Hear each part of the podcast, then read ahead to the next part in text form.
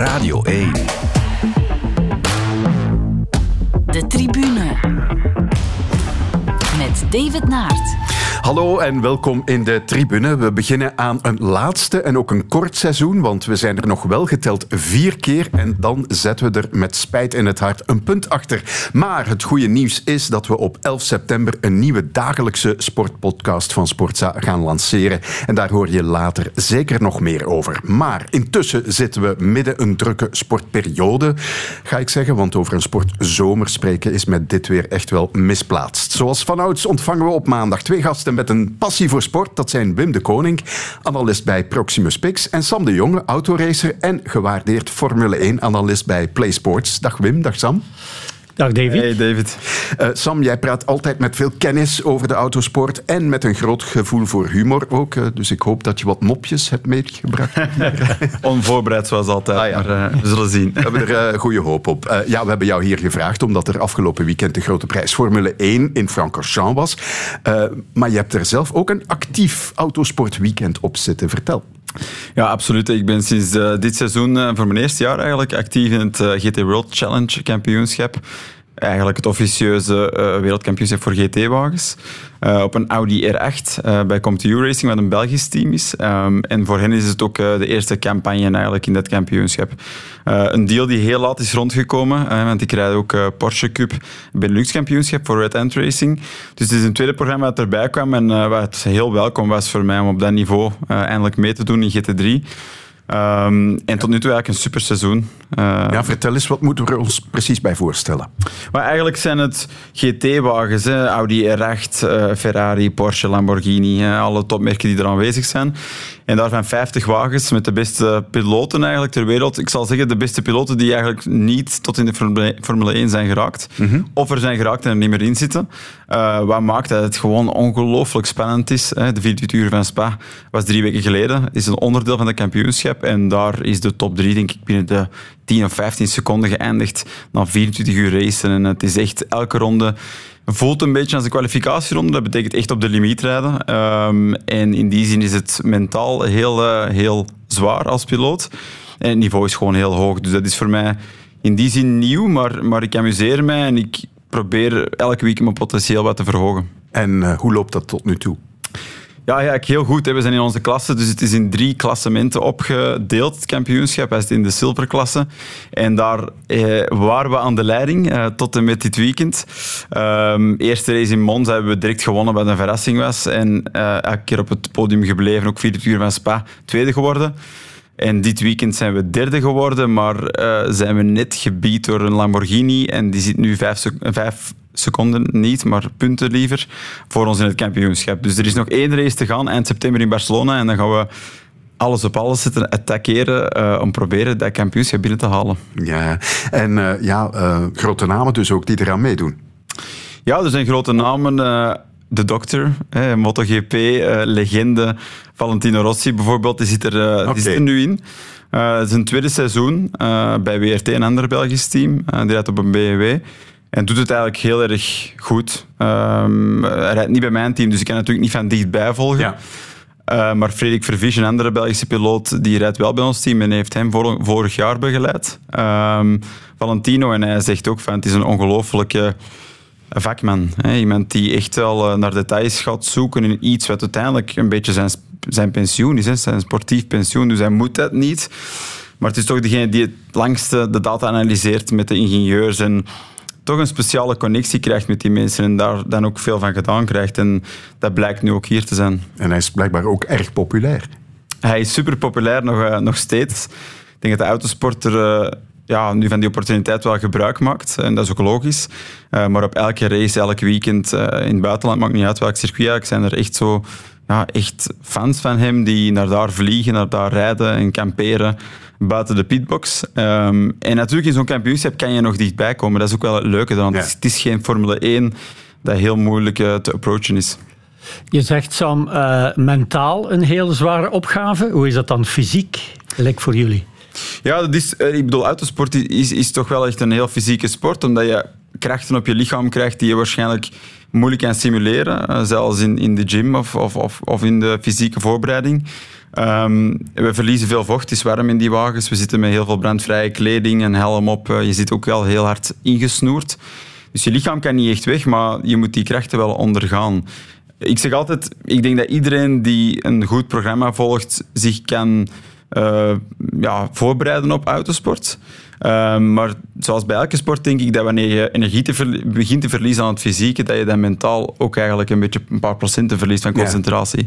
Dus dat is wel denk ik de verantwoordelijkheid van elke piloot en zeker als professional om te zien dat je dat niet meemaakt. Ja. ja want Rossi is dan toch al een beetje ouder. Is hij fysiek nog uh, in staat om dat allemaal te doen? Ja, ja hij, hij is denk ik nog altijd wel in die fase van, of, of in de gewoonte misschien liever, van, van heel hard te trainen, op zijn eten te letten. Hij rijdt ook nog wel heel veel, heel, heel veel met de moto. Hij doet best wel wat testwerk voor merken. Um, dus hij zit er nog helemaal in. En um, ja, ik heb de vorige jaar met Tom Bonen ook samen gereisd. En bij hem zag je datzelfde van...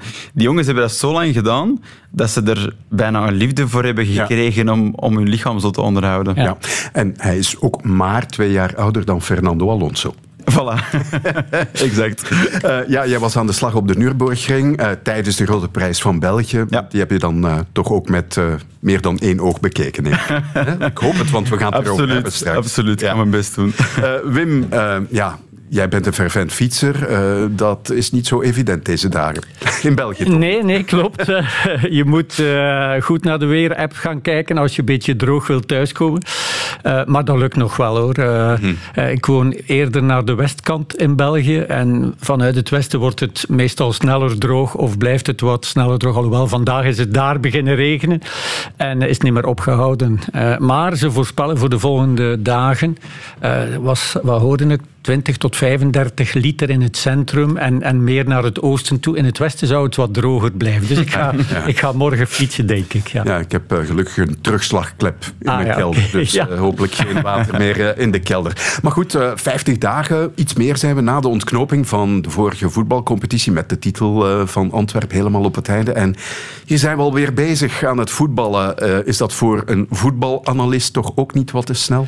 Te snel, ja. Het is heel erg snel. Vooral uh, omdat je ook leest dat uh, de meeste clubs zijn niet klaar. Zeker als ze dan een minder goede uh, resultaat gehaald hebben van het weekend. Hè. Dan is er nog wat huiswerk te doen.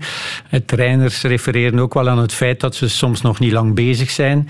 Blessing die gaat dat dan helemaal counteren natuurlijk, want hij is amper 3,5 week bezig bij Union met een nieuwe ploeg. Mhm. ja, en onmiddellijk uh, spelen ze Anderlecht van de mat uh, met Union. Een Anderlecht dat eigenlijk met dezelfde ploeg van vorig jaar speelde, zeven weken voorbereiding heeft gehad. Ze waren ervan overtuigd dat er eindelijk uh, progressie in zat en al van dat soort zaken. Maar nee, je zag alleen maar overgave en intensiteit. Wat het belangrijkste is in voetbal nog altijd. Hè? Ja. Je elftal aan hmm. de aftrap brengen met de perfecte ingesteldheid om, om er alles voor te doen en alles voor te laten. En je hebt de indruk dat bij Anderlecht dat echt niet lukt. Ja, over de start van de voetbalcompetitie gaan we het straks nog hebben, maar eerst de momenten van de week en eerst de keuze van Wim. Right, we have some transfer news just into us here on Sky Sports News, and that's now Chelsea have two serious bidders for striker Romelu Lukaku. Now we know Inter Milan have moved on to other targets after deciding against pursuing a deal. Juventus have held talks and are prepared to pay 40 million euros, including add-ons. Als je ooit voor Juve gaat spelen, nooit Forza Juve of dingen. Gewoon, nee, nee, gewoon voor Forza, Forza, met naar Juve. Denkt je niet dat het gaat gebeuren? Maar il a tout donné pour l'Inter, Ja, Romelu Lukaku en Juventus, dat gaat volgens hem niet gebeuren. Maar ondertussen is hij nog altijd op zoek naar een uh, nieuwe club. Ja, en dat is toch wel een beetje uh, spijtig. Hè? Uh, toen, het is een beetje soap rond hem geworden. Zijn lievelingsploeg was Chelsea. Toen hij bij Anderlecht Furore maakte, zei hij van ik ga maar één dag wenen. Dat is als ik hier uiteindelijk speel. Want ja, dat is mijn jeugdliefde. Is daar uiteindelijk naartoe gegaan. En uh, ja, dat is geen succes geworden. Wel uitleenbeurten, heeft veel ploegen gehad. In die 14 jaar dat hij ondertussen toch wel niet vergeten uh, aan het, uh, ja, dat hij bezig is. Hè. Niet mm. vergeten, hij wordt 30, hij is op zijn 16e bij Anderlecht er al ingekomen. Uitleenbeurten waren goed. Manchester United viel ook wat tegen. met trainers die de harde aanpak hebben, heeft hij het wat moeilijk. Hè. Daarom dat hij onder Conte, die hem zo graag bij Inter wou op een gegeven moment, zo goed gefunctioneerd heeft. Alles in functie van hem, niet te veel concurrentie, een beetje gepamperd worden. Uh, Martinez, die deed dat ook hè, met de nationale ploeg, waardoor hij geweldige stats heeft bij België. Hè. Speelt daar ook altijd wel in een hele goede ploeg. Uh, maar ja, hij is nog eens teruggegaan naar Chelsea. En Mhm. dat zal hem toch wel spijten, denk ik, achteraf. Na een geweldig seizoen bij Inter, onder Conte, waar hij speler van het jaar was. Niet vergeten, hè, dat moet je toch maar doen. Ja, Eh, als spits bij Inter zijnde. Ehm, en is teruggegaan voor, wat was het, 113 of 115 miljoen. Ja, en daar zit hij nu een beetje aan vast natuurlijk. hè, want eh, het was ook weer geen succes bij Tuchel. Die ook de harde aanpak heeft. Hè, wat Ja. hem ook niet lag. Eh, verkeerde keuze. Raar. Hij wou toch nog eens bewijzen van ik ga het toch doen in Chelsea. Uiteindelijk is dat ook weer niet gelukt. Weer uitgeleend aan Inter, een beetje pech gehad. eh, corona, blessure, zich forceerd voor het WK. Geen al te goed seizoen gedaan. Op het einde van het seizoen er wel doorgekomen.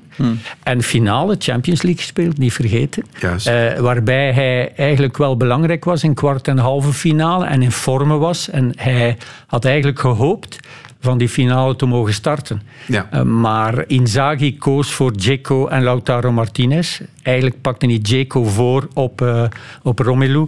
En dat is een beetje in slechte aarde gevallen, hebben de indruk bij hem. Waardoor hij, en blijk al de week voor de finale, is hij al, of zijn managers, met Juve gaan praten. Ja.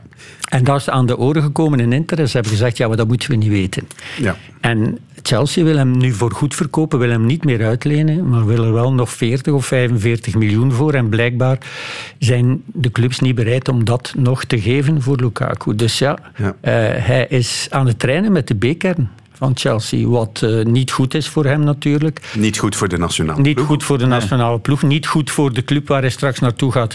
Want ook eh, in andere Europese landen gaat de competitie snel beginnen. Het transferseizoen loopt natuurlijk wel nog een maand. Ja, voilà. Dus hij zal nog wel een club vinden. Alhoewel ja, dat er ook al wel eh, een rumoer is dat hij misschien toch alsnog naar Saoedi-Arabië zou gaan, omdat ze daar wel bereid zijn. Nieuwe Walhalla. Ja, ze zijn daar bereid om daar een hele hoge transfersom te geven. Hè. Daar vinden ze 45 miljoen voor Lukaku. Peanuts. Ja. Ja. voilà. Eh, Maar het is te hopen voor hem, denk ik dan.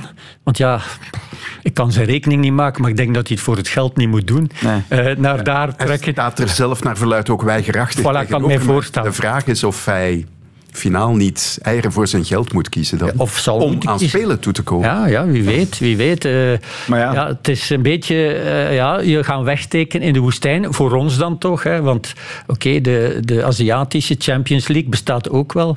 Maar daar wordt hier niet naar gekeken natuurlijk. Ja. Nee, en ik denk uiteindelijk als sporter is het toch wel moeilijk, eh, toch wel een dilemma van, ik denk als je kiest voor het geld, wanneer je al genoeg geld hebt en het sportieve dan opgeeft, en dan kan je ook nooit gelukkig zijn. Nee, klopt, Elke ja. sporter die voelt zich gelukkig als die voelt dat zijn potentieel kan benut worden en hoe lang is het dan leuk om veel te gaan verdienen in Saudi-Arabië? Ik denk, dan kan je nog beter in de Belgische competitie komen spelen. heeft ook, ja, maar heeft gezegd dat hij eh, zijn carrière wil afsluiten bij Anderlecht. Misschien nog wat vroeg. Misschien zitten ze ook wel op hem te wachten.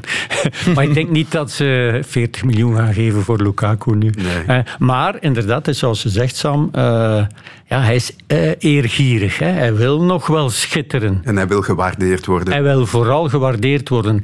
En soms heb je de indruk dat dat hem een beetje belemmert in het ten volle benutten van zijn kwaliteiten. Want eh, als je naar zijn statistieken kijkt, gescoord heeft hij ongelooflijk veel. Hè? Ja. hij heeft toch wel eh, heel veel eh, prachtige dingen gedaan. En terzelfde tijd blijft er altijd wel een vraagteken achter zijn naam Ja. staan.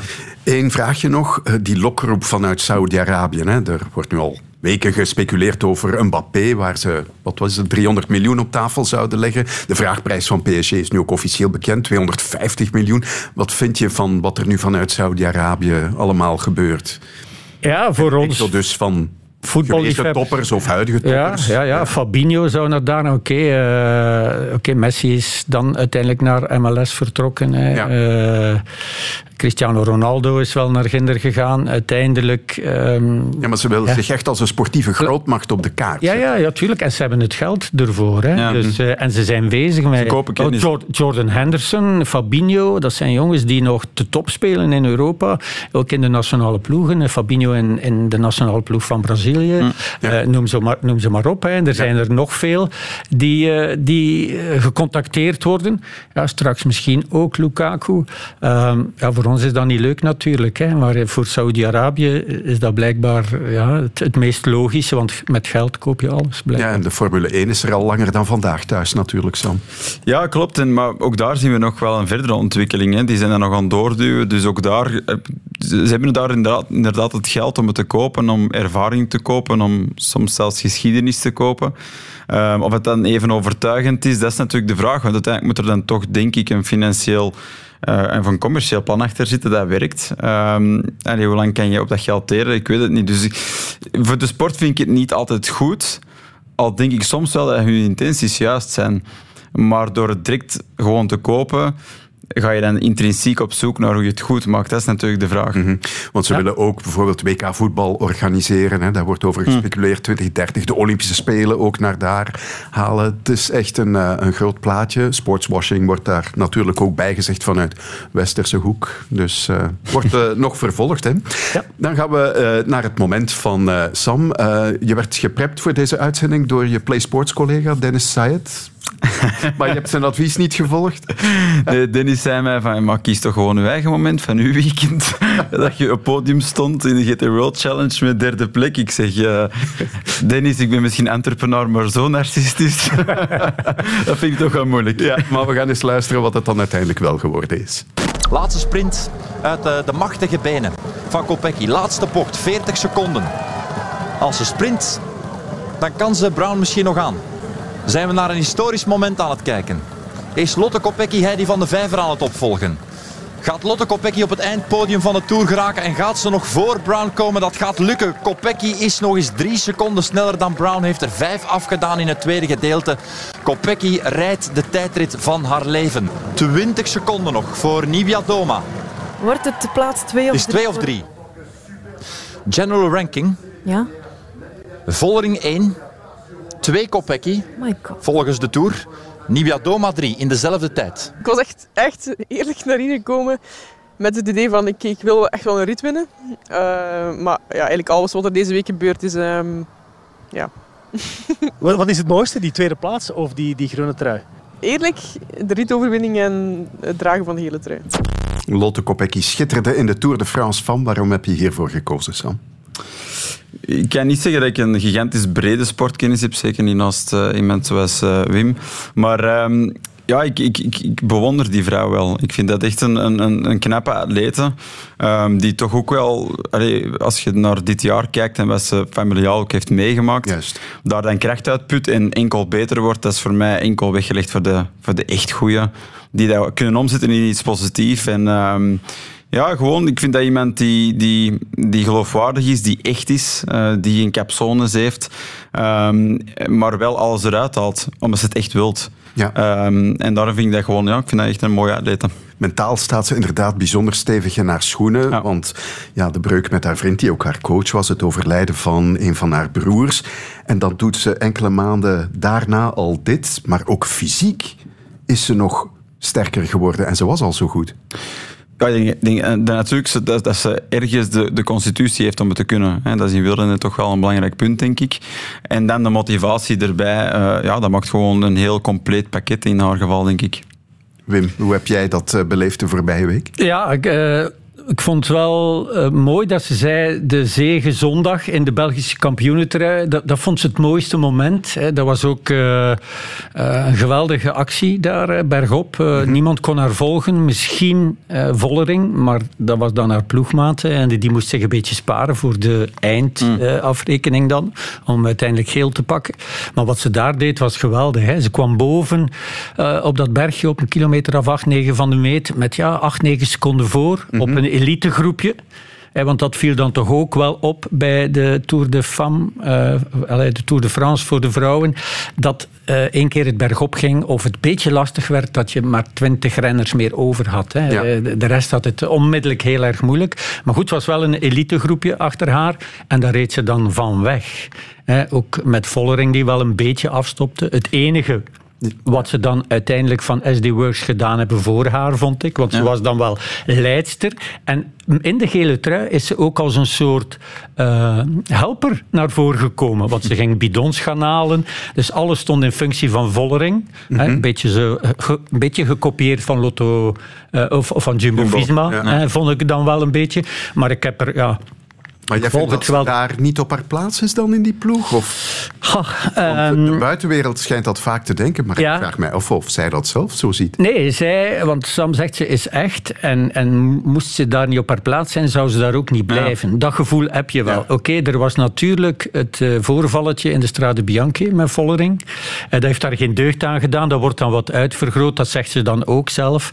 Gisteren eh, vielen ze elkaar in de armen ook nog eens op podium. Je hebt dan toch altijd het gevoel dat het een klein beetje eh, met de camera erop is. Hè. Een klein beetje toch wel, heb ik dat gevoel. Kan daarin mis zijn. Alhoewel, zij dat altijd wel ontkent.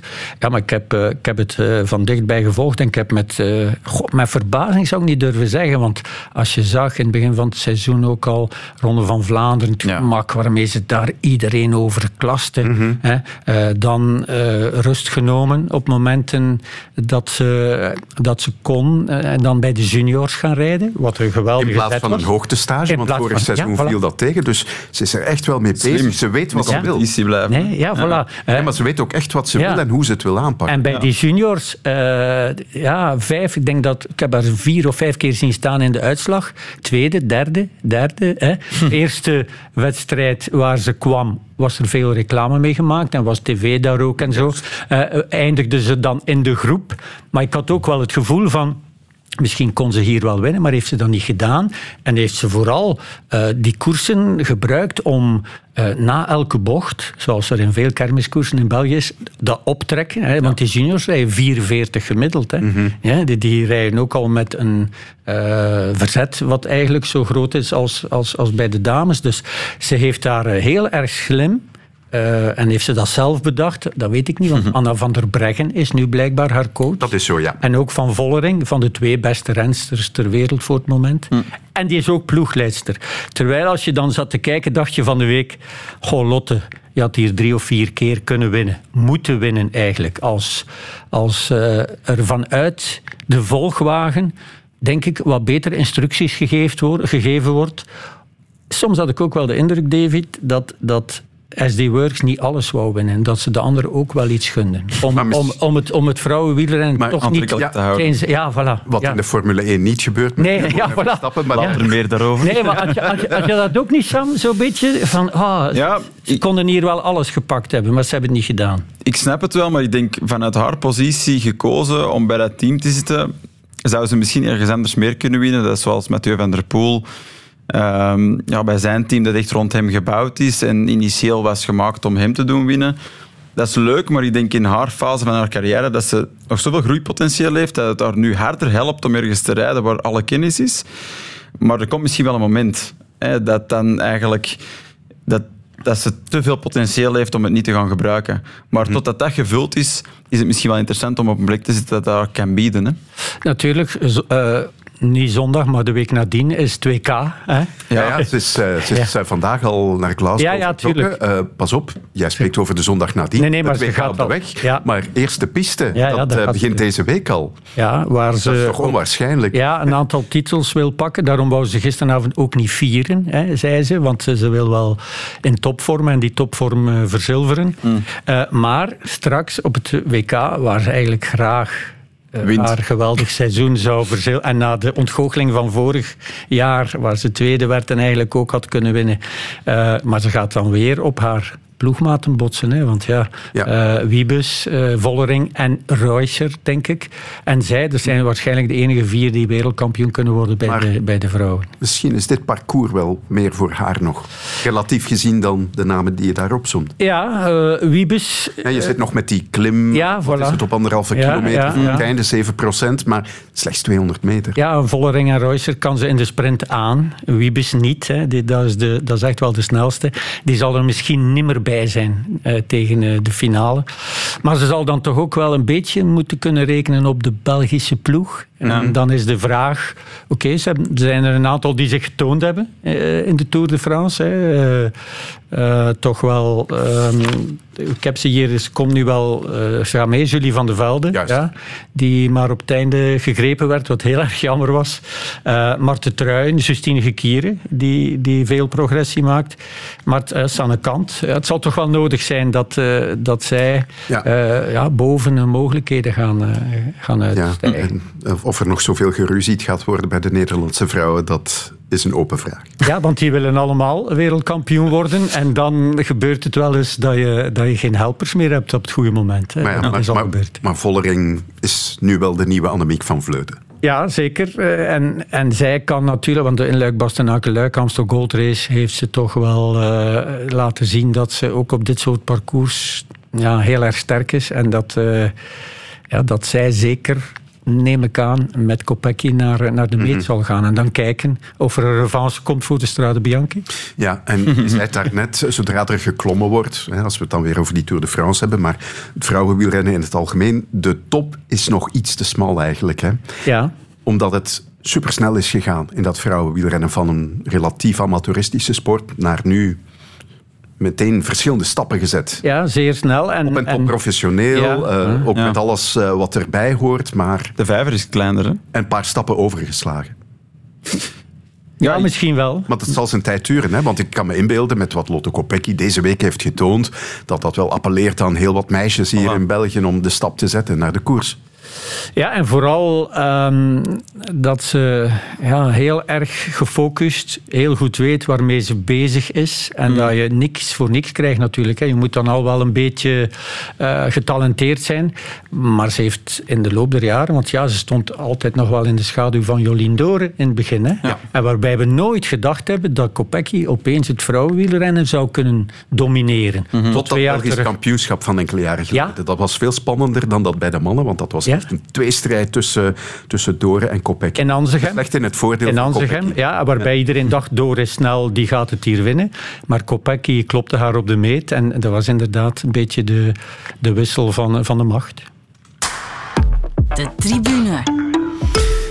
We gaan het nog heel even over de koers hebben, Sam, als dat oké is voor jou. Met plezier. Ja, Ja. want eh, komende zondag al het WK wielrennen op de weg bij de mannen. En de Belgische ploeg telt twee kopmannen, of 2,4, 2,6.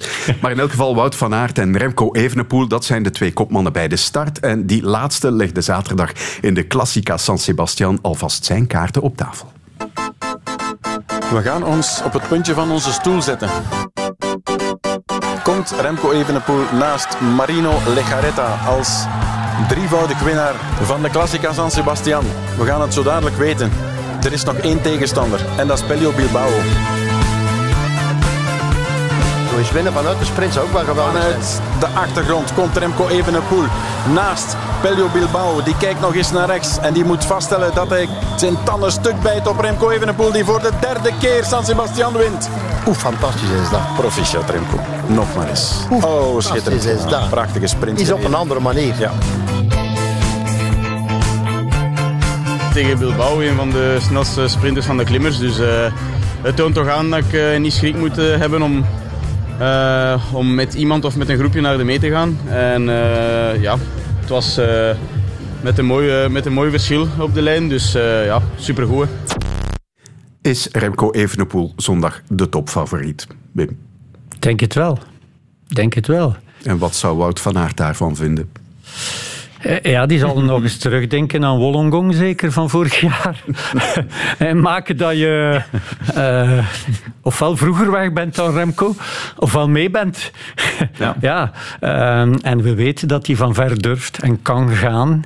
En, en dat hij ja, geen gebrek aan zelfvertrouwen heeft. Hè. Het is geweldig, zoals hij bijvoorbeeld ook de avond voor San Sebastian werd hij geïnterviewd en hij zei, ja, ik ben er klaar voor. Ik ben klaar voor drie op drie. Het was precies zo, het moet juist nog gereden worden. Ja. En hij was niet bang om het eh, tot een sprint te laten komen. Nee, en uh, ik, ja, Karel, uh, nee, het was uh, ja, Karel Bertele en, en, en José. Helemaal die, in vervoering. Ja, maar die hadden zoiets van wanneer gaat die Bilbao nu bergop lossen op ja. dat laatste klimmetje? Ja, wanneer komt hij? Wanneer gaat hij? Het is precies alsof het niks is voor Evenepoel om iedereen zomaar uit het wiel te rijden van op de kop. Want hij leidde heel die beklimming. En hij zei wel na de, uh, na de wedstrijd, ja, we waren met vier weg. Want ook uh, de Italiaan, die nog de Ronde van Vlaanderen gewonnen heeft, was mee origineel, maar die moest er dan ook af. Ik kom even op zijn naam niet. Um, en Bettiol. Bettiol, voilà, dat is het. Um, hij zei, ja, we werkten heel goed samen. Terwijl, als je keek, reed Evenepoel altijd aan de leiding. Dus hij heeft dan ook al het gevoel ja, dat ze goed samenwerken met hem. Dus ja, hij heeft zoveel klasse, zoveel conditie, weet zo goed waar hij staat, dat hij uh, ja, altijd wel, ja, wat was het? Is in elke eendagswedstrijd dat hij gestart is van het jaar, heeft hij, heeft hij gewonnen, denk ja. ik. Hè? En dan, uh, en in het begin van het seizoen, in, waar was het? Catalonië, heeft hij ook al eens Roglic een paar keer geklopt, man tegen man, weliswaar ja. bergop. Maar je ziet dat hij ook aan zijn sprint heeft gewerkt en dat ze als hij dan ook Alex Segaard in het Belgisch kampioenschap van op de kop. Ja. Dat hij 15 kilometer in zijn wiel had gezeten. Ja, ook nog eens uh, klopt. Ja. Dus, uh, je hebt ja. de indruk dat hij nog beter is dan, uh, dan dat hij ooit geweest is. De eerste drie letters van zijn naam spellen misschien wel rem, maar hij staat er zelden op. Hè. Hij is zo explosief en hij doet mij ook een beetje denken aan de jonge Max Verstappen in de Formule 1. Hij, hij maakt fouten, maar, maar hij leert er dan ook direct uit. Hij durft ook wel direct naar die limiet gaan en dan soms erover. Dat hoort erbij. Ik vind dat hij ook gewoon... Uiteindelijk was hij origineel gezien geen wielrenner en hij heeft een hele steile leercurve gedaan. En ja, voor jongens die misschien heel hun leven al inzitten, is dat zo evident als iets. En lijkt het misschien soms raar welke fouten hij maakt, maar ik vind dat dat, maakt hem net, nu zo'n sterke renner. En hij heeft zoveel uh, munitie bij om hier in het wereldkampioenschap te scoren. En kan je als Max Verstappen zijnde ook later Formule 1-piloot worden? Als je vroeger gevoetbald hebt tot je zestiende, zeg maar iets zoals Evenepoel. Lukt dat? Of moet je vroeger al ja, met de auto kunnen rijden? Goh, ik denk dat... dat, het is natuurlijk minder het fysieke dat het bepaalt. Hè. Daar hebben we het al over gehad. En het technische daarvan denk ik dat hoe vroeger dat je eraan begint, hoe beter. Wanneer je jong bent en wanneer je een spons bent en alles opneemt. Ik weet niet of dat voor autosport geldt dat wanneer je een andere sport doet, dat je genoeg van die skillset hebt opgebouwd, dat je dan kan gaan gebruiken. Ja, we hebben nog weinig voorbeelden gezien daarvan, dus het is een beetje moeilijk te zeggen. Maar... Wanneer zat jij voor het eerst in een auto, echt als chauffeur? Of... Ik zat als chauffeur de... of als racer? ja, als racer, ja, of de twee, ja. Ja, ja Max Verstappen had nog geen rijbewijs toen. Nee, voor ja, ja, ik heb eigenlijk Wim naar hier gebracht, ik was een chauffeur, dus... ik moet wel zelf thuis geraken. um, nee, op mijn zeven jaar in, in een kart, indoor uh, karting. Uh, sinds mijn vijfde had ik er uh, om gezaagd bij mijn ouders. Meent je? Uh, ja? maar, maar die kenden het niet. Dus het is echt wel, bij mij is het echt vanuit mezelf gekomen. Ik heb het in een boekje zien staan op reis in Frankrijk, waar karting um, redelijk bekend was, meer dan in België. En blijven zagen. En in die zin zat er toch iets in mijn bloed dat eruit wilde. Uh, en had ik toch ergens daar een goed gevoel voor. Dus uh, op mijn zeven jaar eraan begonnen en, en letterlijk nooit meer gestopt. Dus. Ja, dat is mooi. We gaan het wielerthema afsluiten. Het WK, goed, topfavoriet Remco Evenepoel, Wout van Aert. We duimen uiteraard ook voor hem. Uh, maar de Vuelta komt er nog aan, de Ronde van Spanje, waar Remco Evenepoel finaal dan toch ook naartoe gaat. Maar in wat voor gezelschap? Met Roglic, alles in functie van de Ronde van Spanje gezet, en ook de toerwinnaar Vingegaard. Dat wordt toch moeilijk. Tegen dat Jumbo-Visma-blok dat zo demonstreerde al in de Ronde van Frankrijk. Ja, en dat ook een, uh, met een soort B-ploeg zal demonstreren, want ze zullen ook wel weer klaar zijn en uh, op de berg gezeten hebben en tot in de puntjes voorbereid hebben. Uh, Vingegaard was eind december 2022 al aangeduid voor de Vuelta. Ze hebben dat heel erg goed kunnen ja. intern houden, terwijl ja. iedereen dacht van oei, hij gaat nu... Ja, verrassing, maar dat is voor hen geen verrassing. Ja. En ook voor Vingegaard niet. Ja, het rare is dat Remco weer zegt, ja, het is goed dat Vingegaard meedoet. Ja, ja dat, is, dat is veel leuker. Goeie referentie. Ja, ja en ook Almeida en, en al de de goeie, en Vlaasov die zich aan het voorbereiden is, en, en noem ze maar op. Hoe meer eh, favorieten, hoe beter. Ja, hij lijkt daar echt van te genieten. En geen last te hebben van de stress. Maar ja, het zal wel een... eh, een geweldige evenepoel moeten zijn om, eh, om die mannen te kloppen, denk ik. Maar ja, je weet het nooit met hem. Hè. Je weet het nooit. Het wordt in elk geval een zeer boeiende Vuelta. De tribune. En mijn gasten vandaag zijn Wim de Koning en Sam de Jonge. In de Formule 1 zijn ze aan de zomerbreak begonnen. De grote prijs van België was het voorlopige sluitstuk. The Belgian Grand Prix is go with a great reaction time for Leclerc, who's got the lead, and Perez had to chop across Lewis Hamilton. That's a lock-up for Carlos Sainz. It is Charles Leclerc who has the lead. Perez gaat al meteen voorbij Leclerc, gaat hij uitremmen en dus aan de leiding nog voor de eerste kilometer van deze ronde. Piastri heeft eh, schade opgelopen, vandaar die zwakkere start en meteen de terugval naar, ik denk, positie 19. Verstappen to the inside of Lewis Hamilton, who tried to close the door, but that Red Bull is rapid in the hands of the driver, chasing eight Grand Prix wins in a row today. The Ferrari is pretty good in a straight line, but the Red Bull surely is going to be coming at him with the DRS open. Gaining with every meter, but will he be sent the long way round? Is there a chance of defence? Will we go wheel to wheel? Charles Leclerc can offer no defence. It's a Red Bull 1 2. Max Verstappen, he's now gone from sixth on the grid to second in the race. Maar nu kijken we naar eh, Max Verstappen. Wanneer komt het eerste duel of de eerste aanvalspoging van de laagvliegende Hollander Max Verstappen? Nog niet in La Source, maar misschien wel verderop in de afzink naar de Redion. Perez, het hoofd koel houden, plankgas, bijna 300 km per uur en nu optrekken. DRS, ja, en daar gaat hij. Max Verstappen nu volledig op eigen konto aan de leiding. The Dutch driver will see the checkered flag first once again, and he celebrates across the line. Max Verstappen wins the Belgian Grand Prix, eight Grand Prix victories in a row, only the second time in the entire history of Formula One that that's happened. At the moment, it's impossible to be the Red Bull um, unless they, if unless they don't finish. They're eight tenths to a second faster per lap than everybody else. Do I want to be as fast as them? Of course. Would I like to have a car that's as fast as them? Of course. If I if I knew if I uh, was in Sergio's car, I would be alright. You know, Max would not be having the same time he's having now. But of course, but it's not the way life is, and and one day we'll get back to where we need to be in fighting them. Lewis Hamilton berustend in de dominantie van Red Bull. Ehm, ja, Sam, die race in Spa, ik vond het een om eigenlijk heel snel te vergeten. Het was niet heel spannend in die zin. spijtig Mopje, mopje. Ja. Eh, nee, ehm, ik denk op zondag zeker ehm, heeft het misschien niet helemaal gebracht wat we wilden zien. Ik vond de rest van het weekend wel heel interessant. Hè. Ik had het ook echt over de zondagnamiddag. Ja, en, en, en dat is een beetje spijtig, omdat het is natuurlijk de belangrijkste moment eigenlijk van, het, van het Formule 1 weekend. En als we de afgelopen races bekijken, zijn de kwalificaties vaak heel spannend. Zitten dichter bij elkaar.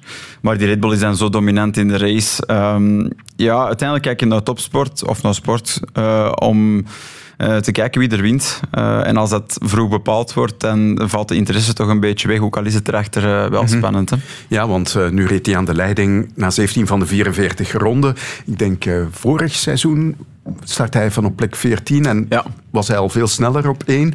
Eh, maar gisteren, ja, ook plaatsen 2 en 3 waren zo snel beslist. Perez 2, Leclerc 3. En je zag niks veranderen aan die onderlinge tijdsverschillen tussen 1 en 2, 2 en 3, maar ook 3 en 4. Dus ja, ik vond er geen zak aan. Ehm, ja, nee, dat klopt. En, en de Formule 1 heeft daar soms moeite mee. Hè. Ehm, En op een circuit zoals Spa-Francorchamps, wat een heel snel circuit waar de auto, auto's echt tot, tot hun recht komen, dan, eh, dan zie je de true colors van elk team. En Dus de beste wagen steekt er echt met kop en schouders bovenuit. dan kan je weinig kan compenseren met strategie. Eh, dan, dan, dan speelt geluk misschien een minder grote rol. En dat zie je op de kortere circuits, de smallere circuits, zie je dat iets minder duidelijk. Maar hier, hier is de dominantie van Red Bull het grootste wat het al geweest is, denk ik, het hele seizoen, het meest opvallende. En dat is gewoon omdat Spa, en dat is natuurlijk het leuke eraan voor ons als piloten.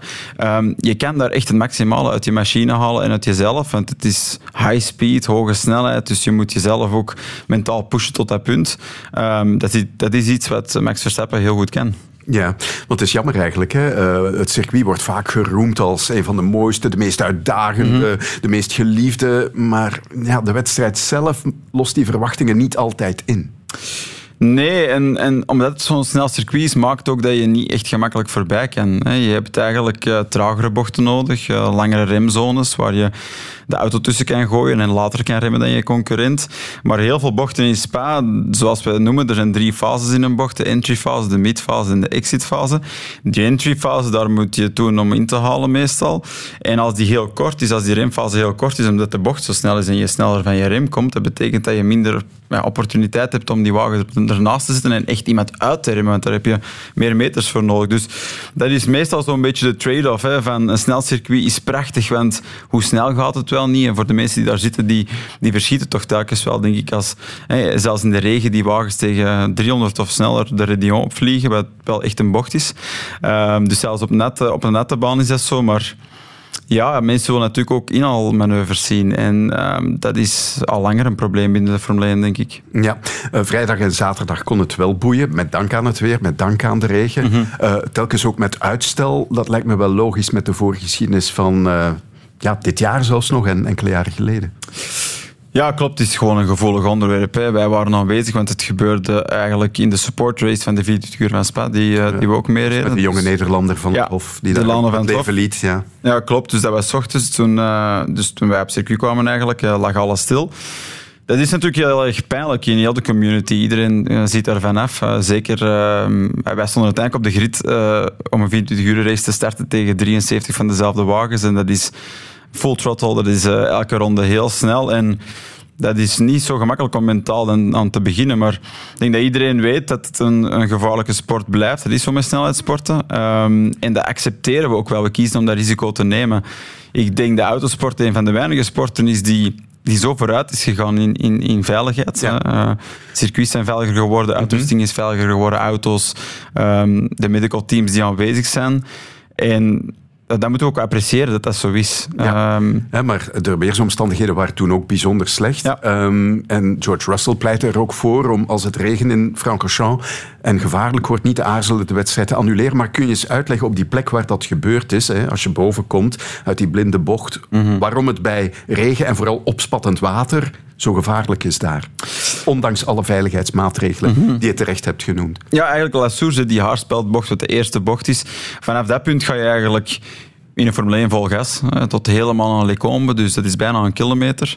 Eh, in andere wagens doen we een kleine lift eh, op de radio, maar alsnog komen we boven aan 200 plus. En het is blind, hè. je rijdt echt een berg op. Dus als er iemand daar stilstaat op de racinglijn, dan heb je een probleem. Dat kan je nooit gezien hebben, je kan er nooit op tijd op reageren, tenzij dat de gele vlag al buiten hangt. Maar we spreken meestal over een incident, ehm, eh, natuurlijk waar alle slechte omstandigheden samenkomen. En als het regent, kan je geen vijf meter voor je zien met een racewagen. Ik heb altijd mensen die zeggen op de autostrade, ja, je ziet niks. En ik denk altijd van, eh, één, je hebt ruitenwissers, en twee, het valt wel goed mee eigenlijk. Ja. maar, ehm, Maar hebben dat gevoel in mist natuurlijk. Als je in een mistbank rijdt. Hè. Dat is misschien een betere vergelijking. ik ben ook dan degene... Ze zeggen altijd, ja, je mag niet remmen, maar ik ga automatisch naar mijn rem. Terwijl Tuurlijk. jullie dat niet doen, denk ik dan. maar jullie gaan er wel in gaan rijden. Ja, tuurlijk. Ik denk dat dat zoals wielrenners bergaf rijden. Je kan niet remmen of niet te veel, want dan weet je dat je sportief verliest. En wij zijn allemaal meer gemotiveerd om sportief succes te hebben dan we geven om ons eigen leven. Ehm, dat is zo. Hè. Eh, ehm, en, en dat is die- in die zin een keuze, maar ja, je kan zo weinig zien. Je kan geen vijf meter voor je zien. En als je dan tegen 200 plus aankomt en iemand staat stil, waar die natuurlijk niet hoort stil te staan, hè, maar ik zeg het is een samenloop van omstandigheden. Ehm, dan is dat gewoon fout. En de deceleratie die dan volgt, dat kan een mensenlichaam nooit eigenlijk overleven. Maar in die zin vond ik het uitstel wel logisch. En, Want als, je, als, als ze eraan begonnen, de, de kwalificatie of de, de sprintrace, eh, dat water spat effectief nog op die, die eerste één, twee rondes of zo. Hè. Daarna wordt het wat beter en uiteindelijk droogt het bijzonder snel op. Het gaat heel erg snel, hè, maar dit, de- deze generatie Formule 1-wagens zijn, zijn wagens met ground effect, eh, die nog meer downforce hebben, dus die worden nog meer aangezogen aan, aan, aan de, het asfalt. Dus die zuigen letterlijk de liters water uit het asfalt en die gooien het op. En in die zin is het nog erger geworden dan vroeger. Ehm, dus ze zijn wel op zoek naar oplossingen ervoor. Ze zijn regentests aan doen met een soort van spatborden eh, om die regen tegen te houden, om echt eh, in, in de hoogte te gaan. Maar dat gaat absoluut niet gemakkelijk zijn met te spreken binnen de Formule 1 dan toch voornamelijk over een aerodynamische sport. Ja. En een, een mudflap, een, een, een, een spatbord hangen op een Formule 1-wagen is als een tang op een varken. Ja. dus dan, eh, dan werkt heel die aerodynamische, aerodynamisch evenwicht niet meer zoals het hoort te zijn en, en, en uitgedacht is. Dus het is echt niet gemakkelijk, maar ze zijn ermee bezig. En ik vind het ook juist dat ze dan achter de safety car blijven. Alleen vind ik, en daar vind ik de autosport vaak niet goed genoeg in, je moet het uitleggen aan de kijker. Ja. Je moet echt uitleggen wat er gebeurt, want mensen denk ik dat wel zullen appreciëren. Die, die snappen ergens dat je niet gewoon je leven op het spel zet voor niets. En ehm, ja, daar moet de autosport een betere job in doen om dat duidelijk te maken aan mensen. Ja, zullen we het sportieve luik er even bij halen? Nu ja, dat lijkt op zich kort. Max Verstappen, Max Verstappen, Max Verstappen. Red Bull. Ja, Red Bull heeft een, heeft een fantastische auto gemaakt. Dat hadden ze vorig jaar al gedaan, maar ze hebben hem nog verbeterd. Hè. Ze zeggen nu al, internationale media zeggen het is de beste eh, racewagen ooit gebouwd of de beste Formule 1-wagen ooit gebouwd. En dat zou kunnen kloppen. Ik denk dat dat niet, niet echt juist is of nutteloos is om, om verschillende tijdsperken met elkaar te vergelijken. Het, is, het was zo anders. Um, maar Adrian Newey, het master, eh, de mastermind, het genie binnen Red Bull, die, uh, die verantwoordelijk is voor het design van die wagen, die, die heeft daar wel iets gecreëerd wat ongelooflijk is. En als je dan een mm -hmm. even ongelooflijke piloot in die wagen zit die er alles kan uithalen, dan, dan krijg je dit. Hè. Heb je al uitgerekend wanneer hij wereldkampioen kan worden? Um, ik denk nog niet in Zandvoort, maar ik denk de races daarna. Ja. Toch zo snel, ondanks dat erg lange seizoen. Ja, ja.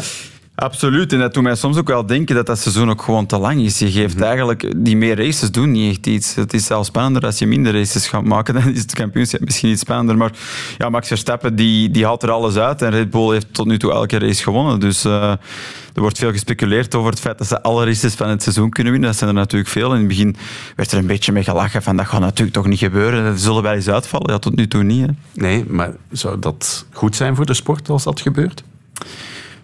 Uh, goh, goed voor de... Als ze alles winnen, bijvoorbeeld. Nee, ik denk van niet. Ik denk wat er nu al het, ma eigenlijk. het maakt het niet aantrekkelijker, maar, maar dominantie is, is eigen aan de Formule 1. Hè. Je hebt een, een regelboek en de ingenieurs die gaan ermee aan de slag. En uh, dat wordt toch vastgelegd voor een aantal jaren. En, en, en degenen die dan uh, een beetje uh, ja, het ideale kunnen vinden, die zijn weg voor een aantal jaren. Die kunnen dan bouwen op, op, op, op het hele goede basisconcept dat ze hebben. Dat hebben ze bij Red Bull kunnen doen voor deze generatie. Daar hebben ze bij Mercedes zijn ze liever niet in geslaagd. En dat omdraaien is praktisch onmogelijk. Het ja. begint echt bij dat basisconcept en je kan niet zomaar dat basisconcept in de vuilbak gooien. Waarom vind jij dit seizoen dan toch nog boeiend? Noem eens redenen of namen. Piastri? Ja, Piastri is daar één van. Ik denk Norris ook. McLaren, de, de revival een beetje, als je het zo ja. mag noemen. Het is misschien wat vroeg om dat te zeggen. Het heeft lang geduurd. Hè? Het heeft heel lang geduurd. En, maar gelukkig met succes vergeten we heel snel de negatieve zaken. Of hoe lang het heeft geduurd, dat is misschien wel het goede aan de mens. um, maar McLaren die komen terug. En in Spa hebben we denk ik ook wel gezien dat ze nog niet zijn. Maar ze zitten in de juiste richting. Dus dat geeft hoop. En mensen willen gewoon kunnen hopen dat het misschien spannender wordt.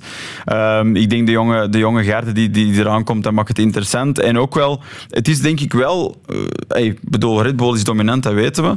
Maar daarachter is het wel heel spannend. En dat is misschien soms moeilijk om dat te appreciëren, omdat we weten wie er gaat winnen. Maar het is wel heel vaak anders geweest. En, um, en dat is dit seizoen niet. En ik denk dat dat wel... Het is misschien erg om te doen, maar daar moeten we ons toch een beetje op gaan uh, concentreren. -hmm. Oké, okay. um, Aston Martin. Daar wil ik het nog even over hebben. Dat zag er zoveel belovend uit hè? in het eerste deel zeg maar, van het seizoen. Ja. Maar sinds de upgrades van de laatste maand zeg maar, is het allemaal veel minder. Hè? Alonso had een abonnement op het podium, maar ja, toch al even niet meer. Nee, dat klopt. En hij zei het ook, hè, van ik wil nu, vanaf nu wil ik elke race op het podium staan. Het is niet meer gelukt eigenlijk sinds die uitspraak. Uh, dus uh, tricky om natuurlijk uh, om, om zoiets te zeggen, maar Natuurlijk, als je een wagen uh, brengt die al heel goed is, dan is de groeimarge kleiner. Mm -hmm. Zeker voor een team die, die in het middenpak reden. Hè. Die waren zelfs iets meer naar, naar achter van het middenpak. Dus ik denk dat de sprong gigantisch is geweest. Ik denk dat dat um, respect moet krijgen. Er zijn weinig Formule 1 organisaties, zal ik maar zeggen. Want het zijn organisaties met heel veel mensen die, die in de fabriek werken uh, om die wagens vooraan te krijgen. En Aston Martin heeft dat kunnen doen. Hè. Uh, Lawrence Stroll, de vader van Lance Stroll, heeft, dat merk, heeft niet enkel het Formule 1 team, het merk gekocht, Aston Martin. En die heeft daar... Um, wel denk ik de juiste dingen mee gedaan. Hij heeft er veel geld in gestoken, dat klopt. Maar hij heeft ook de juiste mensen kunnen overtuigen om voor hem te komen werken. Dat is ook een, toch een belangrijke asset. En ja, nu is het een beetje teleurstellend, maar zo mogen we dat misschien niet zien. Hè. Ik denk van, als we vorig jaar hadden we gezegd, als, als we vorig jaar hadden gezegd liever waar Aston Martin nu had gestaan, hadden we dat nooit geloofd. Het is een beetje spijtig dat ze dat momentum verliezen, maar dat is ook omdat de rest beter wordt. En het zou misschien raar zijn dat een nieuw team, uh, dat die organisatie erachter ineens uh, op een niveau van Mercedes of Ferrari kan, uh, kan draaien. Oké. Vervolg van de Formule 1, zoals je zegt, volgende race. Eind augustus, grote prijs van Nederland in Zandvoort. We moeten haast maken, Wim, maar we hebben toch nog even tijd, want uh, het voetbal is begonnen. We hebben één speeldag gehad. Uh, wat is jou opgevallen? Wat heeft die eerste speeldag jou geleerd? ja, dat veel ploegen nog niet klaar zijn. Hè. Um, en dat ze dat ook graag uh, gebruiken om, om die eerste resultaten wat te camoufleren. Dat zegt niks nieuws natuurlijk. Nee, nee, nee, nee, voilà, nee, zeker niet. Maar, um, maar de ploeg die het minst klaar zou moeten geweest zijn, Union omdat iedereen daar vertrokken is, of bijna ja, niet iedereen. Van de minste. Nee, nee, ja. en op twee jaar tijd eigenlijk iedereen daar vertrokken is. Ook twee keer hun succescoach vertrokken is. Ja, dat die opeens uh, weer ja, dezelfde fysionomie tonen met andere spelers. Dat die diezelfde grinta aan de dag leggen. Dat daar een soort vibe heerst, ook in dat stadion. Dat, dat zo positief is en positivisme uitstraalt. Ja, dat tegenstanders daar ongelooflijk moeilijk mee hebben. Voor het seizoen zou ik gedacht hebben, Union Vorig jaar zeiden we ook al top 8 zal goed zijn. Hè, want mm -hmm. Mazu weg. En, uh, uh, ja, het was nog beter dan ja, het seizoen ervoor. Okay, het was nog beter, ja. ja hè. Plus Europees, wat een parcours. Plus Europees, ja. Oké, okay, de jongens die kwamen, Boniface en, en noem ze maar op, waren nog beter dan degenen die vertrokken. Uh, dus ja, nu, nu, nu, denk je van nee, Union niet. Oké, okay, na die wedstrijd tegen Anderlecht heb ik nog altijd niet het gevoel van ze gaan meedoen echt voor de titel. Top 6 misschien wel, maar toch niet meer zo'n seizoen draaien zoals vorig seizoen. Is bijna niet mogelijk met wat er nu weer vertrokken is. Oké, okay, Blessing is dan wel een goede keuze als coach. Hè. Dat is iemand die dat bij Cercle, uh, bij Oostende laten zien heeft, ook in Genua dat mm -hmm. gedaan heeft. Uh, en dat nu ook op deze manier goed zal doen. Dus het zal altijd een moeilijke tegenstander blijven, ja. maar het, is, het, het, lijkt echt onmogelijk dat die ook nog gaan meedoen voor de titel. Mm -hmm. uh, ik verwachtte heel veel van Brugge. Oké, okay, de voorbereiding was niet geweldig, maar Ronnie Deila geeft mij ook een hele goede indruk. Vorig jaar ook als coach van Standaard. Dus goede keuze om die te nemen. Um, ja, toch vielen ze nu tegen KV Mechelen een beetje tegen, eerlijk gezegd. Hè. Um, ik had ze na, na 3-0 tegen, tegen Aarhus, waar het veel meer kon zijn. Uh, maar het is wel weer ja, de spits, die ze toch voor, wat is het, 7 miljoen gehaald hebben. Thiago, oké, okay, geef hem wat tijd, hoor je nu ook weer. Hè heeft al in Europa gespeeld en, en, goed gespeeld blijkbaar. Geweldige indruk gemaakt, maar dat heeft hij in die twee wedstrijden niet gedaan, mm -hmm. eerlijk gezegd. Um, en waarbij je dan ook weer het gevoel hebt, maar hij zit ook weer in de lappenmand, dat Jaremchuk misschien wel eens weer opgewaardeerd zou moeten kunnen worden. Dat verwachten ze van elke nieuwe trainer die daar komt. Hè. Ja. Uh, ze hebben het allemaal geprobeerd. Hoefkes heeft het geprobeerd, Parker heeft het geprobeerd, uh, Rick de Mil heeft het geprobeerd. Ik denk dat Deila de ultieme is om het nog eens te proberen, maar als dat dan ook niet lukt, ja. Um, ze hebben misschien Jutkla weer nodig, want die is geweldig begonnen vorig yes. jaar en dan weggedemsterd. En je hebt toch een hele goede spits nodig. Kijk, Antwerp, Vincent Janssen, Union, Boniface, uh, Genk, Onuachu. Je hebt een, een, een, spits nodig die de 20, 22, 23 maakt. Uh, Kuipers met, met, met Gent, Orban, ja, die hebben dan wel scorend vermogen. Ja. Dus ja, Club uh, ja, heeft mij gisteren een beetje ontgoocheld, mm -hmm. eerlijk gezegd. Ja, ja, Gent heeft eindelijk zijn openingswedstrijd van het seizoen kunnen winnen. Eindelijk is thuis kunnen spelen, want de Gentse feesten ja, zijn al even voorbij. ja, want dat was de reden waarom ze altijd op verplaatsing moesten beginnen. Wat hij opeens uh, inspireert tot uh, van oké, okay, nu willen we wel uh, ver meegaan. Terwijl hij altijd zegt van ja, we hebben geen grote kern genoeg, de spelers... dat heeft ja. hij eerder van de week Ja, gezegd. maar goed. ja, hij heeft zo'n beetje zijn kar gedraaid. Hij weet misschien dat er nog iets op komst is. Oké, okay, Orban, dat is dan ook de vraag, wat gaat met Orban gebeuren, met Kuipers, ja, die toch ook weer laat zien van ja, iemand te zijn die altijd die goals gaat maken, ook voor Gent. En Gent, ja, als ze dan ook nog vier, vijf mensen kunnen inbrengen, zoals ze eh, wat was het, donderdag deden en gisteren, ja, dan verzwakt die ploeg niet verre van. Dus ja, die gaan zeker meedoen voor de top 6. vorig jaar waren ze er ook maar net naast, het jaar voordien ook. Met die vier dan. Maar die gaan zeker meedoen. Het is een beetje ja, in de schaduw zijn ze zo'n beetje mee favoriet. En eh, voor de rest Genk, ja.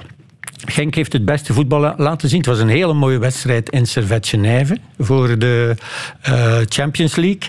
Eh, maar veel kansen tegen. Eh, Van de Voort veel moeten ingrijpen. Tegen RWDM, mooi voetbal, schitterend om naar te Ja, kijken. Brian offensief. op de counter Weer. zijn we kwetsbaar. Ja, en het was Van de Voort, drie, vier goede reddingen. Paal, lat ook nog eens. Dus toch opletten voor RWDM. Servet woensdag. Zeer opletten, ja. Want, Want dat zou een drama Dat zou- zijn als ze eruit gaan. dat zou heel jammer zijn voor het Belgisch voetbal, zeker Hm. voor Genk. Eh, Ze moeten nadien nog wel een, eh, een voorronde en een play-off spelen. Dus eh, ja, het wordt toch wel Ja, moeilijk. nog een voorronde en Een dan, voorronde en dan play-offs, En ja. voorronde tegen Glasgow Rangers. Ja, dus eh, waar Union net niet tegen gehaald heeft, maar dan nadien wel geweldig Europa League heeft gespeeld. Dus dat kan het ook nog wel. Maar ze moeten wel door, want dan hebben ze zeker Europa League. En ja, ik hoor rumoer dat Onuachu misschien zou want heel erg eh, ongelukkig in Engeland. Als hij er nog eens bij komt. Ja, dan is eh, Genk eh, nog altijd de titelfavoriet nummer één wat mij betreft. En misschien zonder Onuachu ook wel. Puur uit persoonlijke belangstelling ben je eigenlijk nog AA-agent-watcher van het Nieuwsblad? Of is het wachten tot de eerste crisis? Eh, ik- ja, officieel, officieel is het mij nog niet gevraagd, eerlijk gezegd. Ze gaan er gewoon vanuit dat ik dat verder doe, denk ik dan. Eh, maar eh, ja, ik, ik heb natuurlijk met, met veel belangstelling gisteren gekeken tegen Kortrijk, waar ze het uiteindelijk niet echt moeilijk tegen gehad hadden, maar toch twee goals geïncasseerd. En daar waren ze wel niet tevreden mee, denk ik. Voilà, en daarmee zijn we al bijna klaar met deze aflevering van de Tribune. Maar er is nog altijd de slotvraag voor een kort antwoord. Waar kijken jullie deze week nog naar uit op sportief gebied? Sam. Oei, dat is heel moeilijk. Ik heb eigenlijk een vrije week, sorry. Ja, ik, eh, ja, Geen Formule 1, geen Ja, autosport. Nee. Dus eh, ja, Genk Servet, eh, zijn even alleszins, eh, is van de week. En dan het WK, hè. Het WK zondag. Ja. Dat is ook nog deze week. Hè. Kijk, Ja, Ja. gaan we uiteraard op de voet volgen bij Sportzaal. Sam de Jonge en Wim de Koning, bedankt dat jullie erbij waren vandaag. Volgende maandag, 7 augustus, zijn we er met een nieuwe tribune. Tot dan.